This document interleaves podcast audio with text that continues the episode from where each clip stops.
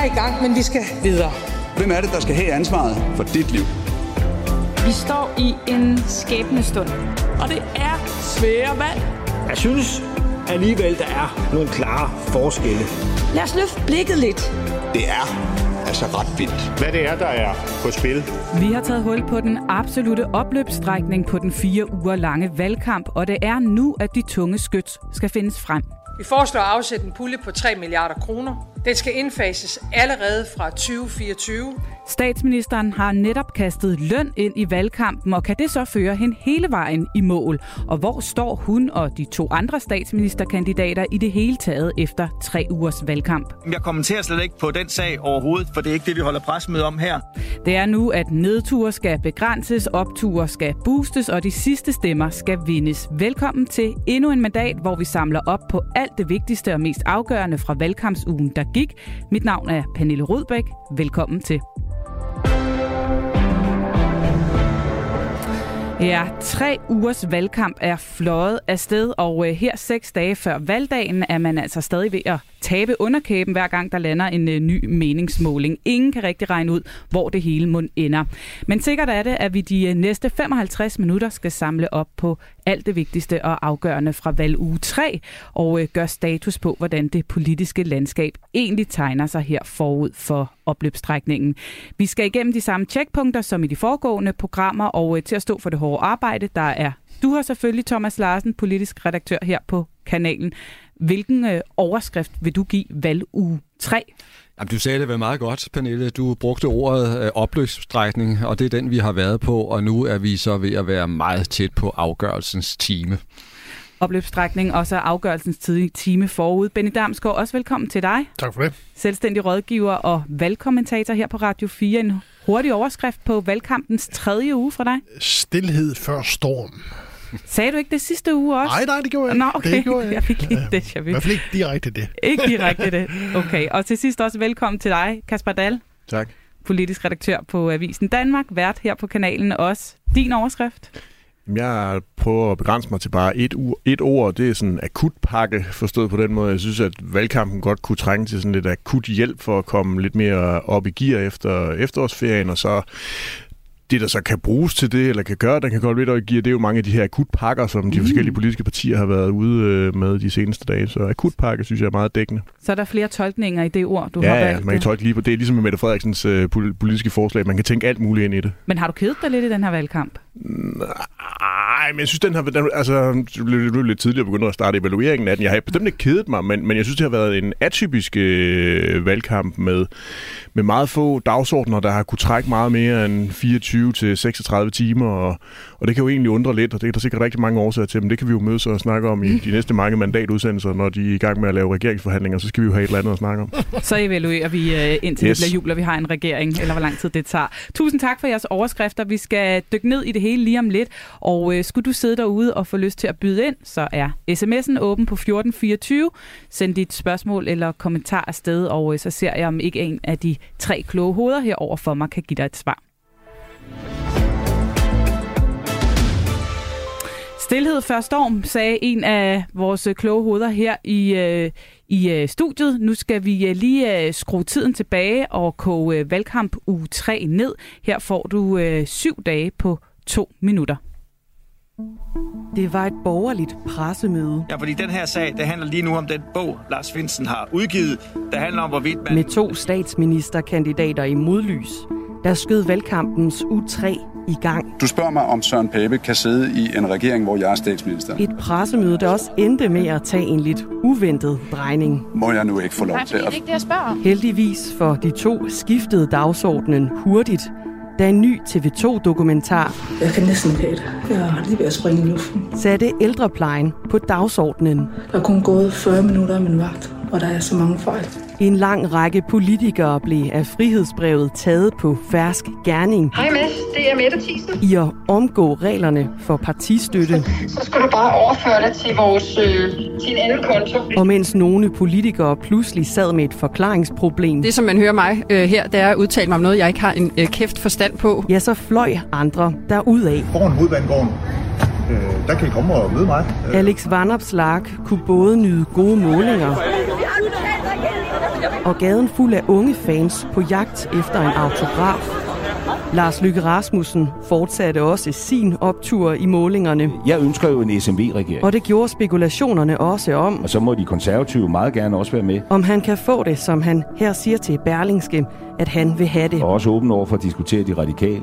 Endelig blev det også ugen, hvor det skræntende sundhedsvæsen blev en politisk kampplads. Når jeg nævner de grupper, som jeg nævner her, og så også sosuassistenter og jordmøder, så er det fordi, det er dem, vi mange steder ved øh, akut mangler. Venstre nåede akkurat at spille ud med et fastholdelsestillæg på 20.000 kroner. Vi vælger øh, at afsætte penge nu. Før statsministeren efter lang tids venten til TV2 løftede lidt af sløret for. Og det er jo fordi, der er nogle store udfordringer i vores velfærdssamfund. Hvor mange penge Socialdemokratiet er klar til at finde til mere løn i velfærdsjobbene. Det handler jo om øh, at sikre, at vi har medarbejdere nok, når der kommer flere ældre, og at vi har medarbejdere nok i sundhedsvæsenet, så vi kan få nedbragt ventelisterne. Ja, således nogle af højdepunkterne fra valgkampsuge 3. Thomas, hvad har du taget med som øh, den mest afgørende begivenhed fra valgugen, der gik?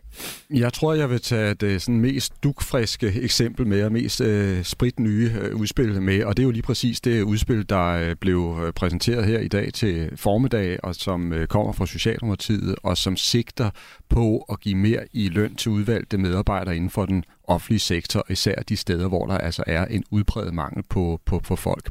Jeg tror, at det er et udspil, der har potentiale til at kunne blive meget, meget vigtigt her i den afsluttende del af valgkampen, fordi dels så ved vi fra målingerne, at øh, langt de fleste vælgere, de har sundhed stående som noget helt, helt øh, afgørende i toppen af deres øh, prioriteringer på deres dagsorden.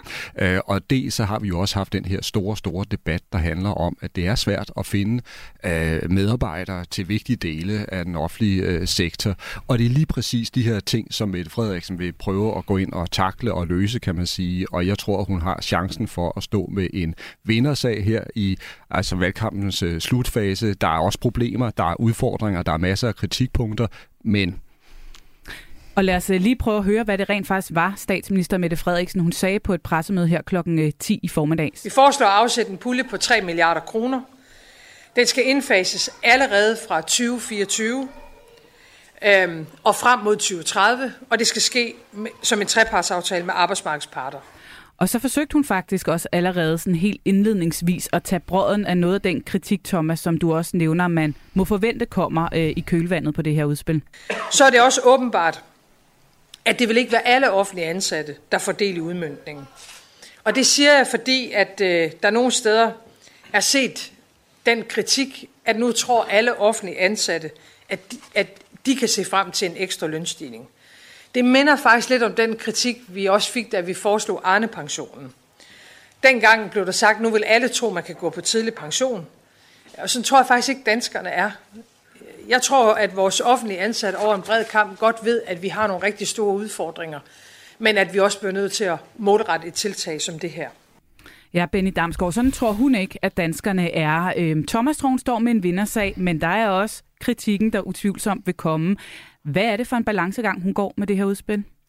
Jamen, altså det er jo en, en, en, svær, en svær balancegang, fordi at, at Socialdemokratiet har været et af de der regeringsbærende partier, som normalt har stået vagt om det, man sådan med sådan lidt højstemt kalder den danske model. Altså der, hvor arbejdsmarkedets parter forhandler løn og, og arbejdsforhold for, for sig selv, øh, øh, uden politisk indblanding. Og det her er jo et udtryk for, at man politisk set går ind og, og giver nogle midler øh, på forhånd til et helt bestemt område, og dermed i realiteten blander sig i løndannelsen. Det har man også set tidligere så, så fra borgerlig side, så det er ikke sådan, at man, man derfra skal være alt for heldig. Men det er lidt, øh, det er en hver hensyn usædvanligt, og dermed også øh, potentielt farligt for, for statsministeren at gøre det også, fordi at at øh, øh, som du, du selv er inde på, så kan hun næsten ikke undgå at, at gøre nogen skuffet, fordi de så ender med ikke at få ret mange penge. Øh, når du tager 3 milliarder og smører ud over de 800.000 ansatte, der er i den offentlige sektor i dag, så, så er det ikke ret meget, det bliver til hver,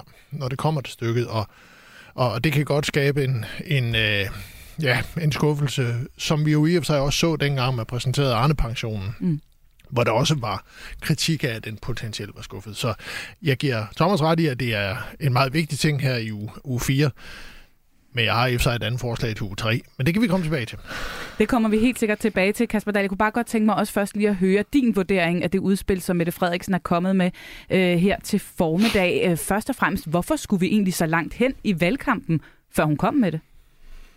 Ja, det er jo et meget godt spørgsmål. Det, hun var jo selv lidt inde på det ved pressemødet, at, øh, at det var nu, partiet var klar til det. Jeg tror nu, de har været klar til det øh, ganske længe, så den, den kyniske læsning er jo, at øh, ved at, at trække den så lang tid som muligt, så kan de undgå, at der er så meget kritik, øh, som øh, jo uværligt allerede øh, vil komme og, og er i gang. Øh, og så er det jo ligesom øh, både Benny og Thomas er inde på, at der stadigvæk er rigtig mange, der så i så fald vil kunne tænke sig selv ind i øh, den her mulige lønstigning, der skal starte sin indfasning fra 2024 og først slå rigtig igennem i 2030, så der er jo rigtig god tid øh, til, at man kan, kan se frem til den her øh, lønstigning og gå og glæde sig. Altså, det er jo rigtigt, som Thomas siger, at, at det er jo en potentiel vindersag, og det er jo det, Mette Frederiksen har brug for, fordi hun har et, øh, et afgørende valg på, øh, på tirsdag i næste uge. Jeg synes bare lidt, hun risikerer at udskyde øh, problemerne på den anden side af valget, og det er jo, det er jo jeg forstår godt, at statsministerens tænkning den er lidt kortsigtet. Det handler om at genvinde magten og, og sikre, at Socialdemokratiet har det bedste udgangspunkt i nogle mulige regeringsforhandlinger. Men hun risikerer altså at, at, at stå med, med en masse ting, der skal samles op på den anden side. Altså nogle trepartsforhandlinger, hvor øh, regeringen, hvis, hvis de kommer til at, at stå fast på deres synspunkt, ikke vil være med til at definere, hvilke faggrupper, der skal have øh, hvilket beløb i løn, gør jo, at, at fagforeningerne kommer til at blive spillet ud mod hinanden, og det kan blive rigtig grimt øh, og, og overvære, især hvis man er socialdemokrat, der gerne vil have et godt forhold til alle fagforeninger, både dem for de private ansatte og dem for de offentligt ansatte. Øhm, og, og altså, det er rigtigt, at den her regering har lavet rigtig mange trepartsaftaler under coronaforløbet, men sidst de lavede noget, der, der kommer til at have den størrelse, eller prøvede på at lave noget, der, der vil have den her størrelse, det var altså øh, Helle thorning Schmidt og Bjarne Korydon, øh, akkompagneret af Willy Søvndal og Margrethe Vestager, da det handlede om, at at fagforeningerne skulle være med til at levere 12 minutter ekstra, og det, det kuldsejlede jo fuldstændigt, og det er der altså også forhøjet risiko for, at, at, at det her det gør. Det er lidt nemmere, når der er penge mm. på bordet, så, så kan man altid øh, finde en eller anden form for løsning, men der er altså nogen, der risikerer at stå derude og være virkelig, virkelig sure og føle sig snydt. Thomas Larsen, øh, der er en risiko ved det her. Det kan vi øh, høre. Det ved jeg også, du øh, mener. Men hun bruger jo Arne Pension som det gode eksempel på. Det er ikke bluff. Det kan lade sig gøre. Mange troede heller ikke på det dengang. Er det klogt? Ja, det mener jeg, fordi dermed så prøver hun at mene vælgerne om det, hun ser som en socialdemokratisk succeshistorie, hvor man også altså indledningsvis sagde, at det her med at give en øh, pension til særligt nedslidte, øh, det kan slet ikke lade sig gøre. Det er en dødfødt øh, idé. Det var et kæmpe bluffnummer, som Lars Løkke Rasmussen sagde dengang, og så siger Mette Frederiksen, prøv at høre, kære venner, det er faktisk blevet en realitet. Og det kommer også til at ske med vores nye forslag, hvor man så skal give mere i løn til nogle udvalgte medarbejdere i den offentlige sektor. Jeg er fuldstændig enig med Kasper og Benny om, at øh, udfordringerne og problemerne altså på mange måder står i kø her. Altså der er slet ingen tvivl om, at det bliver praktisk rigtig svært at gennemføre. Det der bare er Mette Frederiksens store, store mulighed og chance her, det er, at de her problemer bliver overtrumfet af, at mange vælgere måske vil se det her som, at Socialdemokratiet rent faktisk laver et rigtigt skridt i den rigtige retning og løser nogle problemer inden for sundhedsvæsenet, inden for ældreplejen, inden for kriminalforsorgen, som er reelle. Og hvis hun får de vælgere med sig, som jeg siger, så har hun en vindersag. Men det er jo ikke bare hende, der har været ude med udspil øh, omkring det her øh, på sundhedsområdet. Hvordan løser vi de her problemer, Benny Damsgaard? Ser du for dig, at øh, med det her udspil, med det vi også har hørt fra Venstre blandt andet, at sundhed kommer til at blive det afgørende tema i øh, slutspurten i valgkampen fra nu af? Ja, altså det bliver det store tema øh, resten af, af den her valgkamp. Øh, der kan altid selvfølgelig komme et eller andet, som, som som popper op i nyerne af, men det her bliver det, bliver omdrejningspunkt det centrale øh, tema. Og altså, og det bliver meget interessant at se, hvad, hvad man finder på øh, som modsvar for, for de borgerlige side. De har jo selv været ude og gået i den retning, flere af dem i hvert fald, både Moderaterne og Venstre har været ude, også at argumentere for strakspakker, som skal give lønløft til, til specifikke grupper. Så det er jo lidt, øh, kan man sige, de har i bund og grund allerede accepteret præmissen om, at du er nødt til at gå ind politisk set og gøre noget ved løndannelsen i den offentlige sektor, fordi du der har et, et, et stort problem. Så det bliver svært for dem at gå ind og, og hælde det her fuldstændig ned ad brættet, som det i og for sig også var med, med Arne-pensionen.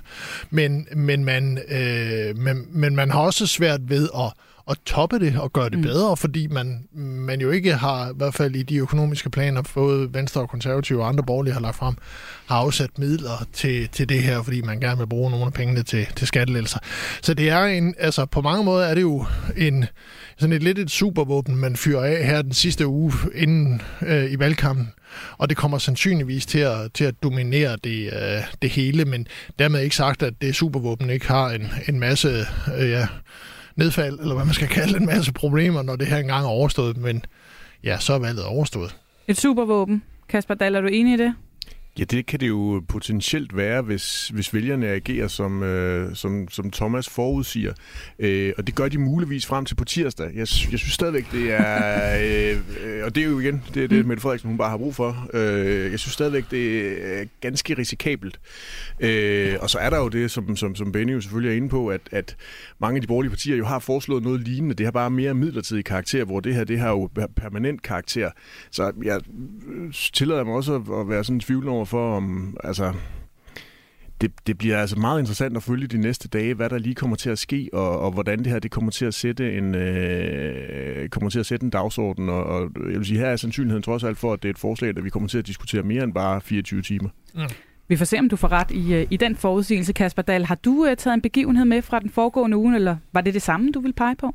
Ja, men nu er vi jo blevet bedt om at forberede os, og jeg forberedte mig i går, og øh, der var der ikke kommet noget øh, udspil fra Socialdemokraternes side, så der havde jeg egentlig taget Venstres øh, udspil til øh, akut indsats i sundhedsvæsenet, hvor de jo netop forsøger at se, om mm. de ikke kunne, kunne øh, overhale Socialdemokraterne indenom, og det synes jeg egentlig var ganske fint set, men ligesom øh, af Venstre, men ligesom alt andet i, i den her valgkamp, så, så kommer Venstres øh, udspil ikke til at fylde ret meget mere end maks 24 timer, måske endda kun 12. Øh, og det har jo lidt været sådan et symptom på Venstres valgkamp, at de har pumpet øh, politiske øh, forslag ud, men der er ikke rigtig nogen af dem, der er kommet til at fylde øh, noget som helst, og på den måde har de ikke fået sat nogen som helst dagsorden. Det kom det her heller ikke til, fordi Socialdemokraterne så lige klaskede med den her øh, onsdag formiddag. Så hvis du skulle have forberedt dig for fem minutter siden, så har du måske også taget det her med, eller hvad? Det her pressemøde? Ah, nu skal vi jo være, være lidt varieret i vores øh, udvælgelser. Der er jo altså sket ganske meget, som ja. vi også hørte i, i sammenklippet tidligere ja. i udsendelsen, og og, øh, og noget af det, man kunne, øh, kunne, kunne kaste sig over, var jo øh, sidste uges øh, fællespressemøde fra de borgerlige.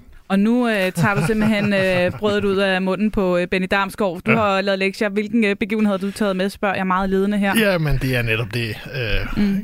katastrofale, tror jeg godt, man kan sige, øh, pressemøde i torsdags mellem øh, vores Søren Pape og... Øh, og Jacob Ellemann forsøgte at sætte FE-sagen på, på dagsordningen. Den foregik ude i kastellet, og jeg tror, at hovedparten af lytterne har set billeder fra det arrangement, øh, hvor du, du ser to borgerlige partiledere, der står med øh, en skarp efterårssol lige ind i smasken og prøver at holde sig for øjnene, og i det hele taget øh, sådan står og ser noget... Øh, ja, øh, sådan lidt øh, blændet ud, og det var de under alle omstændigheder, da spørgsmålene begyndte at komme efterfølgende. Fordi, altså, FE-sagen er stor og kompliceret, men det korte lange er, at en del af FE-sagen øh, handler om en, noget, der hedder, øh, eller en, der hedder Samsam, som er en, en dansk, dansker, øh, som eventuelt, eller sandsynligvis, har været PET eller FE-agent udsendt til Syrien, og som nu er sidder i fængsel.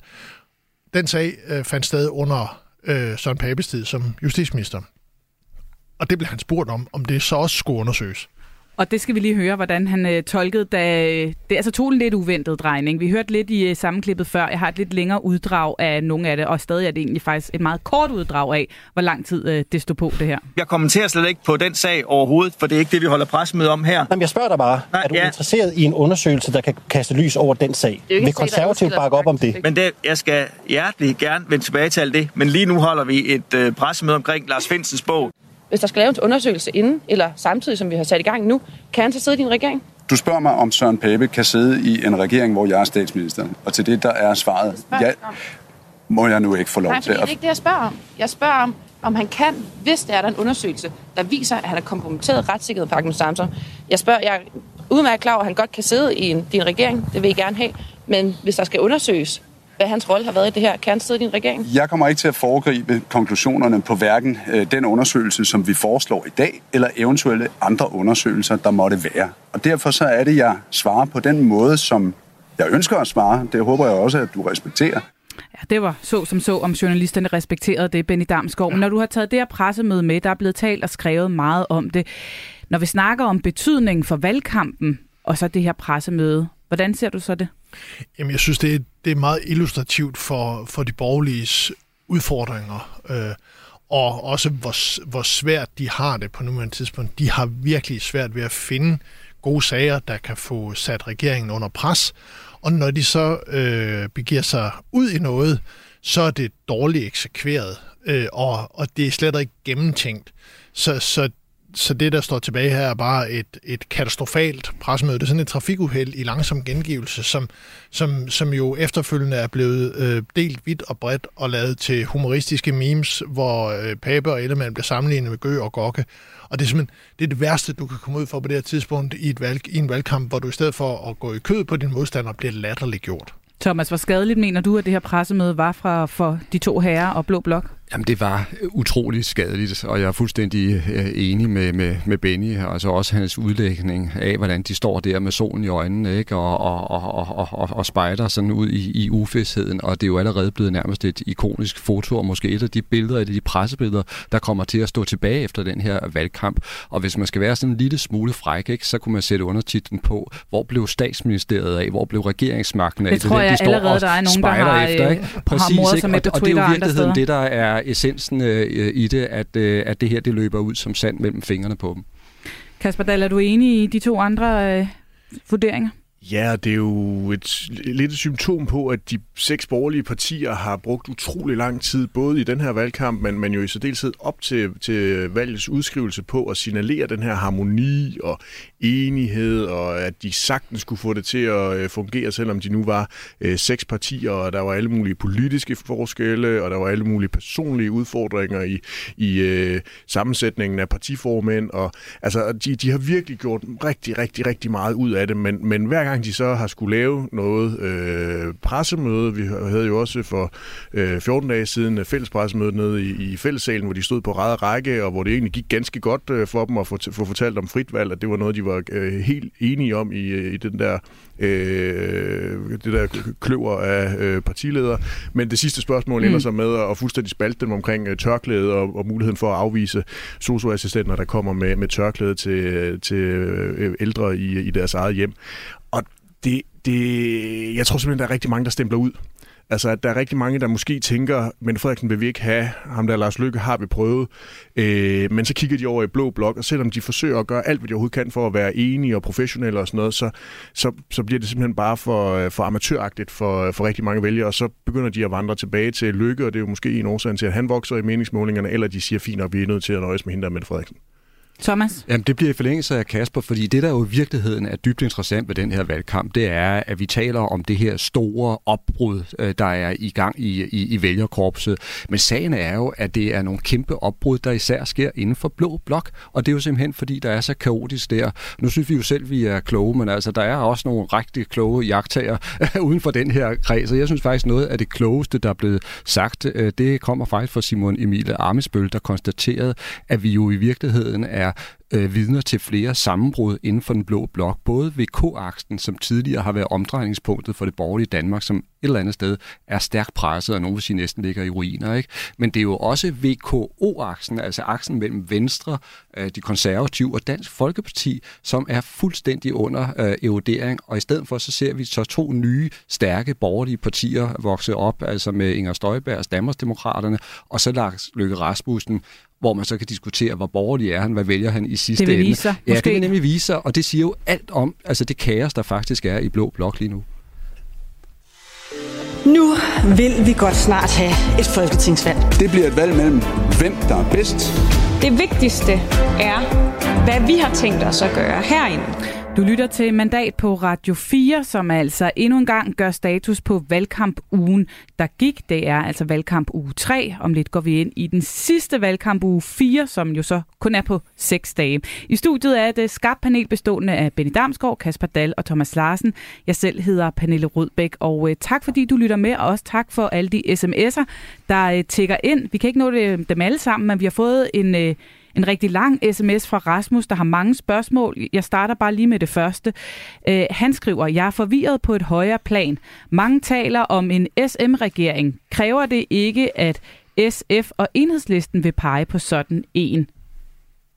Det er vel rigtigt. Hvor, hvor, hvor skulle opbakning til den her regering det, findes? Det, det kræver jo i hvert fald, at der ikke er 90 mandater, som vil af med den øh, regering. Og det, det er jo, altså, bliver jo ganske interessant at, øh, at se, om man, hvis man nu i det tænkte eksempel her, kan lave et regeringsgrundlag mellem Socialdemokraterne og Moderaterne, som ikke er øh, forfærdeligt og er nødt til at blive afvist af enten øh, den, den øh, højre side i, øh, i Folketinget eller den venstre side i, øh, i Folketinget. Og det er derfor, det bliver så rasende spændende at se, hvad det er for nogle konstellationer, man kan lave, og det bliver rasende spændende at se, om vi ikke, hvis vi skal have noget hen over midten, ikke er nødt til at have en flertalsregering for første gang i, i, i virkelig mange år i, øh, i dansk politik, for at undgå det her med, at den bliver øh, stemt ud, så snart den tænker, at den er klar til at komme i funktion. Han fortsætter med at spørge, og hvor meget politik har Moderaterne og Socialdemokratiet overhovedet til fælles? Kan de blive enige om et regeringsgrundlag? Hvad med Lykkes ultimative krav om en advokatundersøgelse af Mink-skandalen? Kommer Lykke ikke til at skuffe en hel del af de mange blå vælgere, der har stemt på ham? Altså, han har nok i det hele taget på mange niveauer svært ved at se den her regering for sig. ja. Betty Damsgaard, har de noget til fælles? Har de noget at bygge på? Ikke voldsomt meget, men man skal også have med i betragtning, at øh, Lars Løkke i hvert fald historisk har været kendt for det, man kan sige, udstrakt grad af fleksibilitet, når det kommer til, til hans personlige holdninger. Altså, han er en, øh, jo i bund og grund politiker, som, som gerne vil have tingene til at fungere, og hvis det betyder, at der skal klippes en tog og hakkes en hæl, jamen så, øh, så, er det, så, går det, så går det nok undervejs, hvis, hvis målet er inden for sigtene. Men altså, han, øh, altså, der er ingen tvivl om, at det bliver virkelig, virkelig vanskeligt at få noget til at hænge sammen, øh, hvis det skal være en, en SM-regering, som også kan få, øh, få ikke mindst øh, øh, få opbakning, eller i hvert fald ikke få, få, øh, få, få yderfløjene øh, i enhedslisten, Alternativet og SF til at gå helt i, i, i koma. Men altså, det, altså det store udfordring bliver jo at få, få noget, der kan fungere efter valget. En ting er at blive at komme ind og blive mm. regering, men får man et funktionsdygtigt øh, flertal øh, i stil med det, som den nuværende regering i hvert fald i lange perioder har haft, det er det, der bliver det store spørgsmål. En kort kommentar, Kasper. Jamen, jeg synes, det er, det er rasende interessant, fordi det Rasmus han spørger til, det er jo i virkeligheden politik. Ja. Øh, og, øh, og der er jeg jo enig med Benny, der er det altså, lidt svært at se, hvad det er, de, de skal kunne blive enige om. Øh, men til gengæld kan man sige, det de hurtigt kan blive enige om, er jo i hvert fald den politiske analyse af, at der måske er brug for en regering hen over midten. Øh, det er i hvert fald det, Mette Frederiksen er rejsende i, og Lykke er jo også rejsende i det. Så, så hvis de beslutter sig for, at de to, at det er analysen, der er det vigtigste, så må Lykke jo lave øh, udsalg af de politiske forslag, som han og Moderaterne har, øh, har, øh, har fremlagt. Og så bliver det altså rasende spændende, også efter et valg, at se, om der er nogle af Moderaternes mange mm. vælgere, der lynhurtigt stempler ud af det der projekt, hvis det viser sig, at det mere handler om analysen og Lars Lykke selv, end at få lavet nogle politiske forandringer. Og hvad med alle de nyvalgte folketingsmedlemmer? Det skal man også huske på. Og jeg, jeg forudser allerede nu, måske vi kommer tilbage til Lykke lidt senere øh, her i programmet. Nu ja. øh, iler vi videre, og tusind tak for, øh, for sms'erne. Nu er vi nemlig rundt nået til den runde, hvor vi skal gøre status på de tre officielle statsministerkandidater. Øhm, den fjerde Dark Horse, som sagt, vil lige vente ham. Ham kan vi eventuelt komme tilbage til øh, lidt senere. Men lad os starte med et kort kig på Mette Frederiksens uge, hvor hun blandt andet har besøgt en gammel kending. Den verdensberømte Arne. Arne, hvis du nu skal være helt ærlig, ikke? Troede du så på, at vi faktisk ville gennemføre Arne-pensionen? Til at starte med, troede jeg, det var lidt af, af en joke, men så lige pludselig, der blev jeg jo ringet op på det fra Aalborg, fra Odense og fra Valby og fra København. Hvad fanden jeg har i gang i? Jeg hang jo i kæmpe banner derovre i 19, ikke? Og så var et tidspunkt, så tænkte jeg, nu må vi tage det her, og så, det er nok derfor, jeg går meget op i. Det er simpelthen det mest fantastiske, det er blevet lavet. Og det der med ham lykke og hans bluffnummer, nu er ham, det bluffer. Du hedder også Arne. det var nemlig et bluffnummer, det blev kaldt. Der var ikke så mange, der troede på, at, øh, at vi faktisk havde tænkt os at gøre det. Men det er klart, når vi i en valgkamp siger, at jeg, der har været mange år på arbejdsmarkedet, også skal kunne trække værdigt tilbage, så gennemfører vi det efter et valg. Yes. yes er det godt? Yes. Ja, altså et øh, belejligt besøg lige her, inden at øh, det her sundhedsudspil, øh, ligelønsudspil, det blev øh, fremlagt øh, Kasper Dahl, hvor hun var ude og besøge den gode Arne, der lagde navn til Arne-pensionen. Et overordnet ord på øh, Mette Frederiksens uge. Hvad skulle det være? Om, der har jeg jo valgt at finde, øh, dykke ned i, øh, i ordbogen og finde et ord, jeg synes er dækkende, nemlig øh, kaminpassiar. Og det er sådan Og en, det er øh, simpelthen et ord, der er uden for min... Øh... Ja, og, og, og derfor forklarer jeg også, at Benny han er ved at, at falde herinde over, over ordet. Øh, det, Det var ikke det, du havde med, Benny. Nej, det var det, det er sådan en uformel samtale, og det man kan sige, Mette Frederiksen har gang i, øh, det er jo en uformel samtale med danskerne. Hun har først, det er første gang i dag, øh, onsdag, at hun stiller op til et pressemøde, hvor det er statsministeren, der lancerer noget af Socialdemokraternes politik, ellers har det bare været ministerne, der har gjort det til øh, diverse medier. Og ellers har hun toget rundt i øh, midterbussen og haft det ene arrangement efter det andet, og øh, besøgt gymnasier, og besøgt Arne, og besøgt alle mulige øh, såkaldte almindelige danskere på gader og stræder. Mm. Og så har hun haft de her aftenarrangementer med Søren Dahl, den tidligere vært på Café Hak, og det er det, jeg ligesom bruger som, som, øh, som øh, kaminpassiaret, nemlig at de bare sidder og sniksnakker en hel aften, og det er enormt hyggeligt og øh, uformelt for, øh, for dem, der kommer ind. Altså Mette Frederiksen og Socialdemokratiet har simpelthen kørt indtil videre i hvert fald en fuldstændig øh, gennemført professionel øh, kampagne, og det er meget svært at sætte nogen form for finger på, på det, de har lavet. Øh, vi må se, om det, det giver pote, øh, når stemmerne er talt op, men, men de har i hvert fald meget svært ved at finde noget. I min optik, de kunne have gjort meget bedre og anderledes i den her valgkamp. Benny, kamin passiar. Kan du uh, toppe den? Nej, det tror jeg ikke, men jeg, jeg vil øh, give, give Kasper fuldstændig ret i, det har været overbevisende øh, i den forgangne uge, og det er også det ord, som jeg sådan, øh, efter nærmere eftertanke sidder tilbage med. Altså, det har været en, simpelthen en overvisende professionel præstation af statsministeren. Endnu en, vil jeg sige. Til Thomas, hvad, hvad, hvad falder dig ind? Altså som øh, ord, man kan, Ja. man kan sætte på, jamen jeg vil skrive på, øh, på vinderkurs. Øh, det, det, det mener jeg er det, der, der dækker det. Og så er jeg også enig med Kasper og Benny i, at det er en ekstrem, altså professionel valgkamp, som Socialdemokratiet har gang i. Og nu står vi sådan og, og, og, og smiler lidt og griner lidt af, at så er hun pludselig ude og møde af Arne. Men det man jo skal lægge mærke til, det er, at det bliver brugt netop som opspil til det næste store øh, udspil. Ikke? Sådan, så hun kobler Arne-pensionen med det nye sundhedsudspil. Det er utroligt dygtigt tænkt simpelthen som ren altså kommunikationsarbejde. Og så siger øh, Kasper det her fantastiske udtryk, at der taler om en lang kamin passiar, sådan lidt hyggelig. Og det er jo i virkeligheden også totalt planlagt, fordi hvis der er noget, Mette Frederiksen har brug for, så er det netop at fremstå rundere, venligere og mere imødekommende. Og det er sådan set lykkes i løbet af den her valgkamp. Kasper Dahl, på en skala fra 1 til 10, der får du 10 for originalitet af valg af ord. Mange tak. Men øh, hvis du skulle øh, plotte øh, Mette Frederiksens øh, formkurve ind på den her skala, hvor lander du så? Jamen, nu tror jeg, jeg gav hende syv i sidste uge. Jeg synes, det er opadgående kurve, så det bliver 8 i den her uge. Benny? Et stort 8-tal. Thomas? Jeg ligger 8-9. 8-9. Og med det, der hopper vi videre til Jakob Ellemann. Valgkampen den er gået ind i sin øh, sidste uge. Jeg er stadigvæk rundt i landet hos gode kandidater. Lige nu der er jeg på øh, Lyngby station. Her er masser af gode øh, kandidater over det hele. Kendte ansigter overalt. Gode mennesker, som, øh, som er ude at støtte kampagnen, eller være, øh, være nysgerrige, eller noget andet. For eksempel, øh, så er der hende der. Nej, goddag. Nej, goddag. Ja, det var søster Karen Ellemann, der stod og viftede med valgflyer sammen med Jakob Ellemann på øh, Lyngby station. Benny Damsgaard, du får lov til at lægge ud et ord på Jakob Ellemanns uge. Jamen, jeg vil sige, at den er stabil. Øh, stabil, men... men der Ikke er, det værste ord. Nej, det er det ikke, men, men jeg vil så sige, der er også, der er også mangler. Der er lidt øh, skyer i horisonten, fordi jeg synes ikke, vi har set øh, antydninger af det der ekstra gear, som han har behov for, hvis han skal op på niveau med statsministeren. Så det er stabilt, men, mm. men ikke helt deroppe, hvor han skal være for at være en reel konkurrent. Thomas? Jeg vil sige i vildrede, fordi jeg anerkender, at Jakob Ellemann Jensen faktisk har kørt en ret stabil og, og, og god valgkamp på de præmisser, han nu engang har haft. Men det, der er problemet, det er, at han jo også bliver ligesom trukket ned af al den uro, der er i Blå Blok, og som også Kasper var inde på tidligere. Selvom han kommer med mange af de her udspil fra venstre side, så er de ikke rigtig bidt sig fast. Kasper? Jeg synes, vildred er et super, uh, super godt uh, ord til Ellemanns uh, uge. Jeg har bare skrevet valgrally, fordi han har brugt en uh, 3-4 aftener på at, at være rundt i landet og samle venstrefolk og forsøge at pumpe noget, øh, noget slutspurts energi ind i dem, og det har han jo virkelig brug for, fordi han netop ikke har fundet det ekstra gear, som, øh, som Benny er inde på. Er det den rette strategi for ham her øh, de sidste seks det er dage, hvis han skal nå at vinde noget? Det er jo, altså, han er jo op mod den der socialdemokratiske valgmaskine, som vi lige har, øh, har skamrost, og det er bare sindssygt svært for ham. Øh, han har øh, Søren Pape med som dødvægt derovre i den blå blok, og han har Lars Lykke, der kan noget andet, som, som Ellemann ikke har nogen jordisk chance for at kunne demonstrere over for danskerne, at han måske også kan, fordi øh, Lykke bare har ry og rygte, og Ellemann mm. er, er den her øh, uerfarne type i, øh, i mange vælgers øjne. Så, så det er svært at se, hvad Ellemann skulle gøre andet end det, han har gjort, nemlig at forsøge at pumpe noget energi ind i organisationen, og så køre politik, politik, politik. Et, øh, en øh, karakter til ham, Kasper Dahl, nu du er i gang. Ja, f- seks stykker. Seks. Ja, det samme her, seks. Seks. Og? Ja, jeg ligger sådan 6-7. 6-7. Ja. Du ligger altid lige lidt mere positivt, jeg, Thomas. Jeg er rar.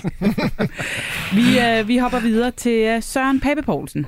Jeg har lige været inde og besøge Sankt Kjeldsgården her i Viborg. Et rigtig godt eksempel på, hvordan lederen er med, hvordan hun er ude på gulvet og tale med både sit personale og de ældre.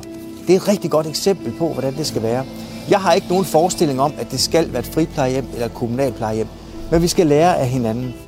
Ja, her har han været på besøg på et plejehjem. Havde der været lyd på det, så havde jeg måske taget det seneste opslag fra, fra hans profil på Facebook, hvor han har lavet sådan et langt, meget ærligt opslag med en uh, alvorlig uh, selfie, hvor han siger, jeg er stadig den samme. Søren, jeg er stadig den samme, som jeg var for to måneder siden og et halvt år siden, også selvom det er et lidt mere slidt ansigt, der kigger tilbage på mig i spejlet for tiden. Benny Damsgaard, et uh, ord på Søren Papes uge. Ja, det er en nedsmeltning. Altså, det... Og der er i hvert fald øh, et déjà vu der. Jeg synes, yeah. øh, vi, har været, vi har været omkring det nærmest i alle programmerne. Ja, ikke? altså det er jo fordi, det, det er jo det, der har været den, det gennemgående, den gennemgående tendens i den her valgkamp. Det har været den nedadgående spiral, som, som man ikke har fået brudt. Øh, og nu er man så langt nede, at man i nogle målinger øh, er under valgresultatet for 2019. Og, og, øh, og det er det er en nedsmeltning, og det gør næsten ondt at se på, fordi det, øh, jeg ved om nogen, hvor hårdt det er at sidde og føre valgkamp, når du er under pres i målingerne. Det har jeg selv prøvet flere gange. Flere gange. Så, så det er ekstremt hårdt at gøre det, og det er, øh, det er ubarmhjertigt, og det er også ubarmhjertigt personligt, fordi politikere har jo deres egen person i, i forreste række. øh, og øh, ja, altså, men det er, der er ikke nogen vej udenom. Det er nedsmeltning. Kasper? Øh, jeg har valgt ordet konspiration, fordi nedsmelding er jo øh, rigtigt, som, øh, som Betty siger, men, men, men Søren Pape åbnede også, jeg tror det var i mandags for, øh, at der ligesom skulle være konspireret mod ham og de konservative, og der var nogen, der havde en interesse i, at alle de her historier lige pludselig var væltet ud, øh, ligesom han havde lanceret til statsministerkandidatur. Og det er bare sindssygt problematisk, hvis man begynder at gå ned ad den vej allerede her i midten af valgkampen og e- evaluere og skyde skylden på medierne, øh, begynde at tale om, at der er nogen, der vil ham det ondt. Altså, han er simpelthen nødt til at øh, enten trække sig, eller bevare fokus på og, og insistere på at være statsministerkandidat og stå i egen ret og køre politik, politik, politik. Men kan han have ret, Kasper? Det kan da sagtens være. Det, altså, det er jo ikke til at sige noget som helst om. Det ved hverken vi, der står her, eller Søren Pape selv. Jeg synes bare, det er en sådan mærkelig øh, strategi. Også lidt det øh, opslag, du refererer til, øh, Pernille, som jo dybest set handler om, at han er, er træt af den øh, mm. kampagne, der øh, er kørt mod ham og forsøger at fortælle folk, at han stadigvæk er, er Søren fra Viborg. Øh, selvom at vi har alle mulige andre billeder af, af Søren Pape Poulsen på nethinden, når vi, når vi hører hans navn. Ja, Claus han spørger på sms'en, fisker Pape efter melidenhedsstemmer med omtalte opslag og trætte ansigt?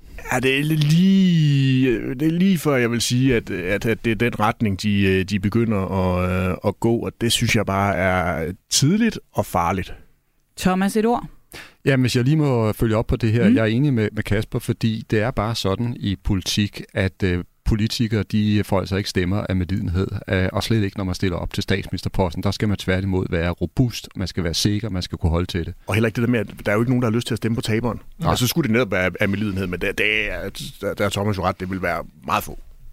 Ja, hvis jeg skal sætte et øh, ord på, øh, Benny har allerede været inde på det, altså øh, nedsmeltning, nedtur, men jeg tænker også, at endnu et ord, altså der starter med end måske er mest øh, passende nu, og det, det er simpelthen nederlag, fordi det, det er jo det, der er en realitet. Altså Papes øh, drøm om at blive statsminister, er der ikke nogen, der tror på længere. Han har simpelthen kørt helt ud af, af banen, ikke? og øh, håbet, drømmen om at give de konservative et øh, kanonvalg, ser også ud til at være forduftet nu, og nu bliver det faktisk en kamp bare at holde partiet op over altså sidste valgresultat. Bliver der en diskussion af formandskabet for partiet på den anden side af et valg, hvis det er her, vi ender, Thomas? Ja, jeg tror, der kommer nogle ret kraftige evalueringer og opgør øh, internt, øh, og det kan også godt være, at man begynder at overveje en eller anden form for skifte øh, på et øh, tidspunkt, men jeg tror ikke, det bliver øh, nemt for partiet at håndtere det, øh, fordi jeg mener ikke, der er sådan en fuldstændig oplagt kronprins eller kronprinsesse, øh, der står frem og som vil være klar til at tage over, og plus det værste, der kan ske for partiet, det er faktisk, at nogle af de her fløje, som Pape faktisk fik øh, forenet, begynder at bryde ud igen. Benny? Ja, altså, øh, det, det er lidt en, en, en længere historie, men grundlæggende er det sådan, at, at øh, Pape har... Altså, der er utilfredshed i folketingsgruppen over, hvordan det her det er gået. Der er også utilfredshed i, i baglandet. Men utilfredsheden er i hvert fald på nuværende tidspunkt ikke stor nok til, at det udløser et opgør eller et oprør, sådan som jeg hører tingene. Og det er fordi blandt andet, at Pape til forskel fra flere, for eksempel Lars Barfod, der, der var før ham, har en relativ har meget kredit i baglandet at trække på. Altså han, han er en populær leder, har været det hele vejen igennem, og folk kan godt lide ham som person. Han havde ikke den bagage med, som Barfod havde, da han, han kom til magten ved at ofre Lene Espersen. Så derfor er det, øh, altså er det, er det ikke, kan man sige, den, de normale dynamikker går så ikke helt gældende, men grundlæggende så er det sådan, hvis vi kommer under valgresultatet fra sidst, så, så bliver det så bliver det, begynder det for alvor at blive farligt. Øh, og det, der er afgørende i det konservative folkeparti, det er, hvordan folketingsgruppen er sammensat. Altså, hvordan falder mandaterne? Hvem kommer ind og, til, kommer ind og sidde på de forskellige mandater? Det er nemlig folketingsgruppen, der udpeger den politiske leder, og dermed lederen af partiet. Så, og på nuværende tidspunkt er der reelt set to potentielle kandidater, ikke sådan officielle, men potentielle, det er den politiske ordfører Mette Abelgaard og, og øh, næstformand i Folketingsgruppen Rasmus Jarlov, som repræsenterer anholdsvis en, en klassisk midtsøgende konservativ linje for Mette Abelgaards side, og den nationalkonservative for Rasmus Jarlovs side. På nogle tidspunkt er der ikke nogen af dem, som sidder definitivt hårdt på et flertal i gruppen og kan agere på det. Efter et valg kan det måske være mm. anderledes. Men grundlæggende, så tror jeg ikke, man kan forvente, at der kommer et opgør lige fra den ene dag til den anden. Og i så fald så er det en debat og en diskussion, som øh, vi øh, må fortsætte efter valget, når vi ved, hvordan den her folketingsgruppe kommer til at, øh, at se ud. Vi skal også lige have sat øh, en øh, karakter på Søren Papes form, selvom det er lidt følsomt at, at gnide salt i såret her, Thomas. Nej, nu sagde jeg jo tidligere, at jeg måske har, har været for rar, øh, og det har jeg nok også været over for, for, for Søren Pape Poulsen, fordi jeg mener så rent faktisk også helt seriøst, at han er blevet straffet ekstremt hårdt for de fejl, som han har begået, og hvor vi så kan se, at han sådan er kommet ned i en, i, i en nedadgående øh, spiral, ikke? Øh, som bare har trukket ham dybere og dybere ned mod, mod bunden, mens hvis vi tager en som øh, Alex øh, Vandopslag for eksempel, han har haft en øh, ret øh, pinagtig øh, boligsag, men har ligesom bare kunne børsten af skuldrene som, som ingenting, ikke? Men øh, efter det lange tilløb, jeg skal frem til karakteren, jeg kom til at give ham øh, fem, tror jeg, sidst jeg gav karakter, det var for højt, fordi i realiteten så ligger han jo nede på 2-3 procent, når vi skal se på, hvordan de konservative ligger. Benny? Et tretal. Og Kasper? To. Og der blev du den øh, sure sensor herude på venstrefløjen. Tak for det. Hvad har vi så opnået i de her tre år, trods pandemi og krig? Der er altså nogle forbindelseslinjer, der er ved at blive kappet. Og derfor er der i den grad fortsat brug for os. Vi har fået øh, flere gode sms'er her i mandat på Radio 4, som vi altså sender nu her og frem til, at klokken bliver 12. Vi kan lige nå et par stykker. Michael fra Viborg, han spørger, med udsigt til et totalt kaos efter valget, er der så nogle af partierne, der allerede nu spekulerer i et nyvalg? Nogen, der har et bud på det? Jeg tror, de, det er øh, øh tanken, tanken tænkes. Øh, at det godt kan blive et resultat, hvis de her, hvis Lykke kommer til at sidde på de afgørende mandater, og man ikke på en eller anden måde kan få det, hen, det hele til at hænge sammen, så kan det godt blive et, et resultat. Men det er ikke sådan, at man sidder og holder kampagnebudgetter tilbage, eller i det hele taget sådan holder, holder igen, fordi man ved, at man måske skal ud i en ny valgkamp øh, om et øh, halvt til et helt år. Den får fuld hammer til det sidste, og så, så må det blive, som det nogle gange bliver. Torben fra Aarhus har også skrevet øhm, et spørgsmål fra en tvivler. Overvejer i tvivl at stemme på Lykke, men overvejer også at stemme personligt på Vammen. Hvis Vammen får mange personlige stemmer, kan man så tænke sig, at han kan tage over efter fru Frederiksen? Kasper Dahl. Nej, det er umiddelbart øh, enormt svært ved at se for mig. Øhm, jeg tror jo, at altså, det er ud fra den der konspirationstanke om, at der er nogen, der skulle kunne presse Mette Frederiksen til at træde tilbage. Og at, Ja, Lykke øh, har, og dem har jo sagt, at de peger Ja. på én socialdemokrat. Ja, ja. altså jeg er nødvendigvis heller ikke overbevist om, at Socialdemokratiet ville vælge Nikolaj Vammen, hvis det var, at de fik frit valg på alle hylder. Øhm, så, så nej, det ser jeg ikke lige umiddelbart øh, for mig. Jeg tænker, at Torben han skal stemme på øh, den politik, han allerhelst øh, gerne vil have, bliver, bliver gennemført, og ikke så meget på personerne. Hermed et øh, råd til Torben. Og så er vi nået til en runde, som vi jo altså kalder, det her bliver vi simpelthen også lige nødt til at få med runden, runden, hvor I hver især får lov til at spytte en begivenhed, en politiker, et parti, en kommentar eller noget helt femte i puljen, som vi også lige skal notere os her ved øh, valgkamp uge 3's udløb. Kasper Dahl, vil du lægge for? Ja, men nu var vi jo ved, ved Torben fra Aarhus, og der kan man sige, der er jo i hvert fald en af Lykkes øh, kandidater, der har været i, øh, i vælten deroppe i, i weekenden. En, øh, en advokat, der har haft adskillige sager ved forskellige nævn, som DR fik afdækket, og det er jo i virkeligheden et symptom på noget af det, vi har set i den her uge, nemlig at moderaterne har vokset så meget i meningsmålingerne, at de har fået utrolig meget journalistisk opmærksomhed. Både Lykke og, og mange af de der procesting, som han er, er rejsende i, men jo også partiets politik, og ikke mindst også øh, partiets kandidater, fordi de jo øh, mange af dem står til, øh, hvis målingerne bliver omsat til, til et valgresultat, og, og komme ind og skulle være politikere, og det er der ikke øh, nogen af dem, der har været før. Så øh, jeg synes, det har været interessant at følge den øh, opmærksomhed, som Moderaterne har, øh, har fået, og øh, det bliver interessant at se, om øh, det, at der nu er kommet fokus på kandidaterne, de enkelte kandidaters svar i mange af de her kandidattest, noget mere politisk fokus på moderaterne, om det er noget, der gør, at, at der er nogle af dem, der har tidligere har sagt, når institutterne har spurgt, hvad de vil stemme på, der, der, der vælger noget andet næste gang, og i sidste ende også vælger noget andet, når de skal ind i Mm. Lad os lige prøve at dvæle lidt ved ham her, du nævner. Det er øh, spidskandidaten i Aarhus, der hedder Tobias Grotkær Elstrøm, som er advokat, og som altså, det har vist sig, at han har haft en række dårlige sager på CV'et, og advokatnævnet mener så, at han i tre tilfælde øh, har groft tilsidesat god advokatskik. Bare lige for at få det på plads. Da den sag kom frem, der fangede DR Lars Løkke Rasmussen til en kort kommentar, hvor han sagde sådan her. Og, og helt ærligt, vi har valgt den tilgang til politik, at vi gerne vil invitere nogen indenfor, som ikke har startet deres karriere i korte bukser i en eller anden ungdomsorganisation, hvor man også har fået et kursus i, hvordan man skal opføre sig og undgå at optræde på billeder eller overhovedet gøre noget andet, man kan blive ramt af senere i livet. Hvis man lever det rigtige liv, det rigtige arbejdsliv, så kan man også risikere at slå sig på det. Så kan man lave nogle fejl, så må man lære de fejl. Benny Damsgaard, i den seneste megafonmåling, eller jeg- jeg tror faktisk, det var voksmetermåling, lige meget. Han står til at komme ind med rigtig mange mandater. Der var det 21 mandater, ikke? Vi kan nævne ja. Lars Løkke, vi kender måske også øh, Jakob Engel Schmidt, nogen kender måske Jon Steffensen sådan lidt, men han er i hvert fald ikke politiker. Mm. Det er rigtig mange nye uprøvede kræfter. Risikerer Løkke at skulle stå og holde den her tale gang på gang på gang, når først de kommer ind? Ja, øh, fordi de vil jo blive gennemlyst i endnu højere grad i det tilfælde af altså dem, der bliver valgt ind, og, og især også, hvordan de agerer, når de så kommer ind. Og der bliver det jo også interessant, hvis de, vi, vi kommer til at have en situation, hvor Løkke kommer til at sidde på de afgørende mandater, og der kommer en lang, meget, meget hård, vanskelig forhandlingsproces efterfølgende, hvor det måske bare, kan man sige, kan være, at der er et par enkelte mandater, øh, fra Moderaterne, som skal skifte til henholdsvis den ene eller den anden side. Hvis, hvis det ikke er en stor maven, han har, hvis der er to, der skal gå over til rød side, eller to, der skal gå til blå side, så er der flertal til den ene eller den anden side.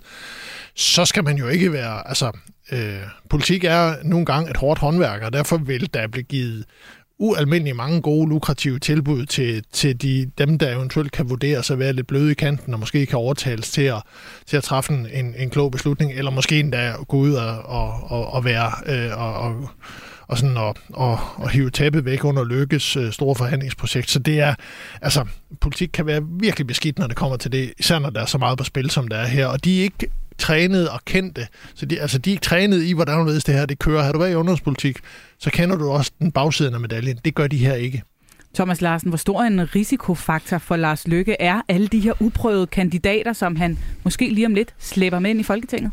Jamen det er der en, øh, en risiko, der er forbundet med det, men jeg mener også, at der er flere risici forbundet med hans øh, politiske oplæg, som i øjeblikket nu for alvor begynder at blive øh, gennemgået med, med en tætte kamp, og derfor vil jeg også gribe fat i noget af det, som Kasper var inde på, som jeg mener er rigtigt. Altså indtil nu, der har Løkke i den grad nyt godt af positiv øh, medieopmærksomhed. Han har haft medvind i, øh, i medierne, og jeg tror, der kommer til at ske et øh, skifte nu, hvor man helt anderledes går til hans politik, og ligesom spørger ind til, til, til svaghederne, og og der, hvor tingene ikke hænger så godt øh, sammen. Og vi kan også se, at de øvrige partier, de begynder for alvor at lægge tryk øh, på ham nu, fordi de er ikke spor komfortable med, at han skal være kongemageren i dansk politik. Vi øh, skal også lige nå jer andre. Øh, du nævnte Lars Lykke som en af de sager, som man også øh, lige skal lægge mærke til. Det er der vist ikke nogen tvivl om, Benny Damsgaard. Hvad har du fået øje på? Jamen, jeg synes, at vi skal kigge lidt nærmere på de radikale, fordi øh, de radikale står jo til virkelig et skidt valg. De, de bliver i mange af målingerne øh, halveret, og det betyder, at, at de radikale godt kan komme ud med en folketingsgruppe, som ser meget markant anderledes ud end den, vi, vi kender i dag, hvor vi måske skal vinke farvel til profiler som Martin Lidegaard, og måske endda også Sofie Carsten Nielsen, afhængig af, hvordan mandaterne falder. Hun sidder ikke sådan voldsomt solidt på tingene. Og så har vi lige pludselig en situation, hvor hvis der kommer nogle helt nye folk ind, øh, som måske har en anden tilgang til, øh, til, til tingene, som, som måske er mere klassisk blå radikale. Det kan godt være så, så ved vi jo ikke helt nøjagtigt, hvordan de agerer i de regeringsforhandlinger, der kommer til at være efterfølgende. Og jeg ved i hvert fald, at det er noget, som man kigger på med stigende bekymring på i, i på det, man kan kalde rød side, altså i SF Socialdemokratiet, fordi de, det er lidt en, det er en ukendt faktor, som der ikke har været ret meget belysning af, og som kan komme til at spille en meget, meget stor rolle, øh, hvis forhandlingerne bliver vanskelige efterfølgende. Ikke? Interessant. Thomas, du kan også lige nå, hvad, hvad du vil øh, pege på i den her runde. Jamen, så kunne vi tage, på, tage en af succeserne, en af, af vinderne her i valgkampen, og det skulle så være Alex øh, Vanderplak og, øh, altså, og, og hans øh, parti, fordi det, der er øh, ret vildt at være vidne til, det er, at han jo næsten er ved at transformere sin valgkampagne til sådan et, et, et, et show, simpelthen, og som øh, i høj grad også foregår ude på de sociale medier, på helt nye platforme, TikTok og så videre. Han er blevet et hit øh, blandt de, øh, de unge, og der må jeg bare konstatere, at der sidder jeg sådan lidt øh, som en, der ikke helt forstår, hvad der foregår i øjeblikket. Jeg er muligvis blevet for gammel, øh, Pernille, fordi det er simpelthen det en, ny, det er en ny form for valgkamp, vi er, mm. vi er vidne til her, hvor det ikke er bundet særlig meget op på øh, politiske udspil og oplæg og planer, men simpelthen handler altså om øh, humor, man får ind i, pumpet ind i valgkampen, og øh, simpelthen får samlet ikke bare vælgere, men jo nærmest en form for fanskare. Du havde en kommentar, Ja, jeg vil bare sige, men Thomas, vi må efterhånden erkende, at vi er en flok boomer. Til, altså også, øh, også mænd, der er til stede her i aften. Altså, så... Hov, hov, hov, hov. Nå, nå, okay. Du er ikke, du er ikke på boomerholdet. Jeg er under eller? 40 stadigvæk. Okay. Lidt endnu. Du er mental boomer. Det er tid til, at dansk politik gør, hvad der er bedst for familierne, ikke hvad der er let for staten. Et stærkere Danmark, en grønnere fremtid, en friere verden. Men regeringsmagten er kun til låns. Der er ikke mange øh, minutter tilbage af dagens mandat, men vi øh, når lige en ultrakort runde på øh, at kigge lidt fremad de næste seks dage. Hvad kommer I til at holde ekstra tæt øje med, Thomas? Jamen, jeg kommer til at følge især, om det lykkes for Mette Frederiksen at få plantet det her nye udspil som en, en vindersag. Fordi hvis det lykkes, så har hun et fantastisk rygstød frem mod øh, valgdagen. Og så kommer jeg selvfølgelig også til at følge med i, om Lykke virkelig bliver den store kongemager, eller om han kommer til at tabe terræn her til sidst. Benny? Jamen, det er, det er det samme, og så ikke mindst også, om, den, om B eller K har nogle valgkaniner, eller hvad man skal kalde det, noget tilbage i posen, som, som på en eller anden måde kan skabe noget ny dynamik her til sidst. Øh, jeg tvivler det skal på være det, nogle men store valgkaniner, Det skal, skal nogle, nogle virkelig, virkelig velvoksne, godt opfedede valgkaniner, men, men altså, de skal gøre et eller andet, hvis de skal bryde regeringens øh, opadgående momentum. Kasper, hvad vil du holde øje med? Jamen det samme som de her, så bare til for, øh, hvornår rammer Pape bunden? Altså fordi jeg havde egentlig ikke troet, at han ville kunne komme under valgresultatet fra, øh, fra 2019-valget, men altså øh, med de seneste 2-3-4 målinger, der har været, så er han jo dels tæt på, og nogle af dem også under. Og øh, altså nu var Benny tidligere inde på, at, at Pape havde, havde kredit i, øh, i det konservative Folkeparti, og det har han jo også haft, fordi de har haft de her gode målinger, og han ligesom har sat ind på kontoen en, en art kassekredit, om man kan, kan bruge det i billedet. Og der begynder han jo altså at trække ganske voldsomt på den kassekredit, og hvis han ryger under øh, valgresultatet, så kommer han jo i overtræk. Øh, og så er konservative i hvert fald et af de partier, jeg vil lægge særdeles øh, meget mærke til på valgaften. Hvad er det for en tale, Pape han kommer til at holde? Og Mm. tilsvarende, som vi også har været inde på, altså Sofie Carsten Nielsen, hvis hun kommer ind, hvad er det for en tale, hun kommer til at, øh, at holde? De radikale kan blive fuldstændig øh, udjævnet nærmest og, og komme ind med meget, meget, meget få mandater. Øh, det, det bliver ganske interessant, og så har vi jo hele spærregrænsen, vi, vi også lige skal, skal være opmærksom Som på. vi ikke engang har noget at tale ikke. om. Nej, nej, der og der alt ligger også nogle partier Ja. der. Men lige et kort spørgsmål her til sidst. Den der valgaften, den kan vel gå hen og blive noget atypisk. Vi kommer vel til måske at sidde i en situation, hvor ingen af os rigtig kan vurdere, hvem, jo, vi kan vurdere, hvem der er gået frem og tilbage, men det der med, der plejer at være en sejrstaler, nogen der siger, nu giver jeg nøglerne videre til statsministeriet til en anden. Thomas, hvad bliver det for en valgaften, hvis alt er et stort, mudret, grumset billede, hvor ingen rigtig kan lave nogen konklusioner? Jamen, så bliver valgkampen, eller valgaften jo kun overtyre, kan man sige, til et meget langt, svært og kompliceret forhandlingsforløb, hvor der ikke er nogen, der i virkeligheden på nuværende tidspunkt kan sige, hvad der kommer til at blive slutresultatet. Altså, det bliver en et, et, altså, kæmpe usikkerhed, der kommer til at herske i en periode.